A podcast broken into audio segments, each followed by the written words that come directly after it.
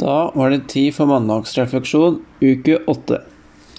Eh, mandagsrefleksjon denne uka her tar utgangspunkt i eh, undervisningsopplegg vi lagde forrige uke, der vi da skal hente fram element i opplegget som vi mener er å legge til rette for tilpassa opplæring. Eh, for å underbygge og for å henvise til eh, aktuelle artikler og aktuelt læringsstoff, så har vi da fått utdelt tre linker til bl.a. UDIR, Statped og utdanningsforskning. Så påstandene eller oppgavesvarene i den refleksjonen her vil da bli henvist til noen av disse sidene. Så en liten innføring i hva jeg og Jonas tenker om opplegget vårt.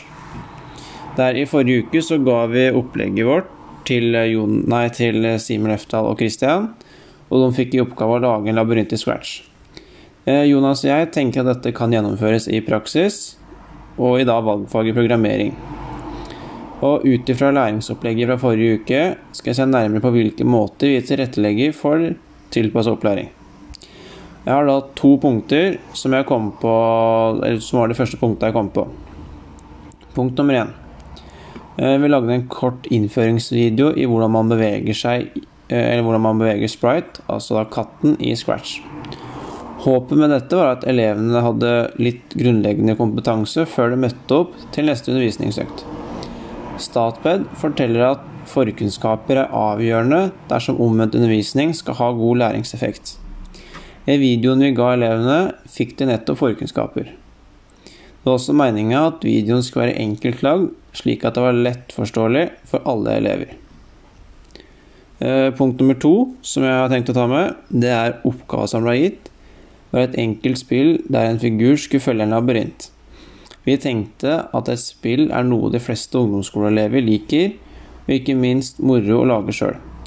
Etter vi holdt første undervisningsøkt, så vi at dette kunne være en utfordrende oppgave. Vi bestemte oss derfor for å lage en læringsløype i Google Sites med mange undervisningsvideoer. Dette gir også en del fordeler.